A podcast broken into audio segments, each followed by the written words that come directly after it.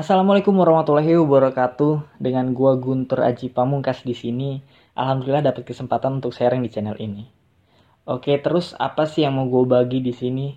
Ini cerita tentang pengalaman hidup gua di masa lalu yang gue beri judul Sendiri untuk Taat daripada berdua dalam maksiat. Asik. Jadi pada saat itu gue seperti remaja pada umumnya yang menjadikan pacaran sebagai gaya hidup gue pernah putus nyambung sampai gonta-ganti pacar. Bahkan satu hari pacaran terus putus pun gue pernah.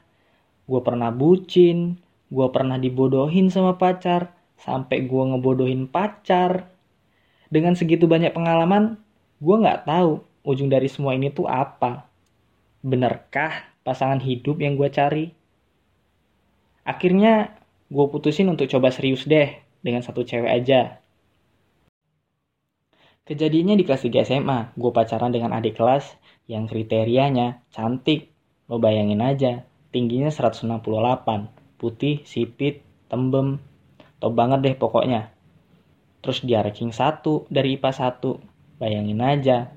Terus dia juga anak paskip, gue pacarin, dan gue milih untuk serius nih sama dia. Tapi ujungnya ya tetap aja, selalu ada cara Allah buat pisahin gue itu karena Allah sayang sama gue. Hubungan yang udah gue jaga baik-baik dengan bekal sejuta pengalaman sebelumnya, kandas. Karena dia yang udah lama punya cita-cita jadi pengibar bendera disuruh milih sama seniornya. Tetap pacaran sama gue, atau paskip dan cita-citanya. Ya, akhirnya kita putus juga. Dia milih paskip dan cita-citanya. Dan di waktu yang bersamaan gue lulus Terus bingung cari kuliah di mana. Gimana enggak? Di saat anak kelas 3 SMA pada umumnya ngabisin waktu untuk belajar, sementara waktu gue habis untuk pacaran, jalan, sampai akhirnya galau putus cinta.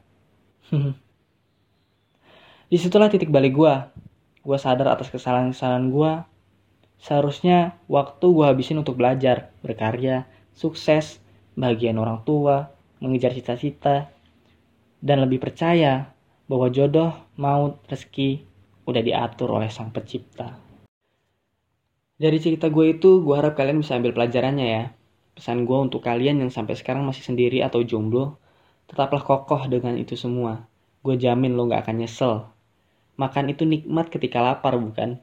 Lo yang sampai sekarang masih memilih taat dan sabar, sampai nanti waktunya tiba, pasti lebih nikmat rasanya. Dan untuk kalian yang udah ngalamin kayak gue atau masih punya pacar, segera putusin deh saran gue. Karena di saat yang lain sibuk berkarya, kalian sibuk VC-an, putus nyambung, galau, bucin. Gak mungkin kan pacaran tanpa bumbu-bumbu itu semua. Belum lagi fakta bahwa dilansir dari kaskus.co.id pada tahun 2018 aja, sejumlah 62,7% remaja Indonesia tidak perawan lagi. Hmm, Nauzubillah min zalik ya. Sementara jodoh kan cerminan diri kita. Maka dari itu semua gue milih sendiri untuk taat daripada berdua dalam maksiat. Kalau benar tujuan kita cari pasangan adalah mencari ridho Allah, bagaimana mungkin jalan yang kita tempuh adalah jalan yang tidak diridhoi oleh Allah. Oke mungkin itu aja dari gue. Terima kasih yang udah dengerin sampai habis. Kalau ada salah kata gue mohon maaf. Kepada Allah gue mohon ampun. Guntur Haji Pamungkas, salam dari orang biasa. Wassalamualaikum warahmatullahi wabarakatuh.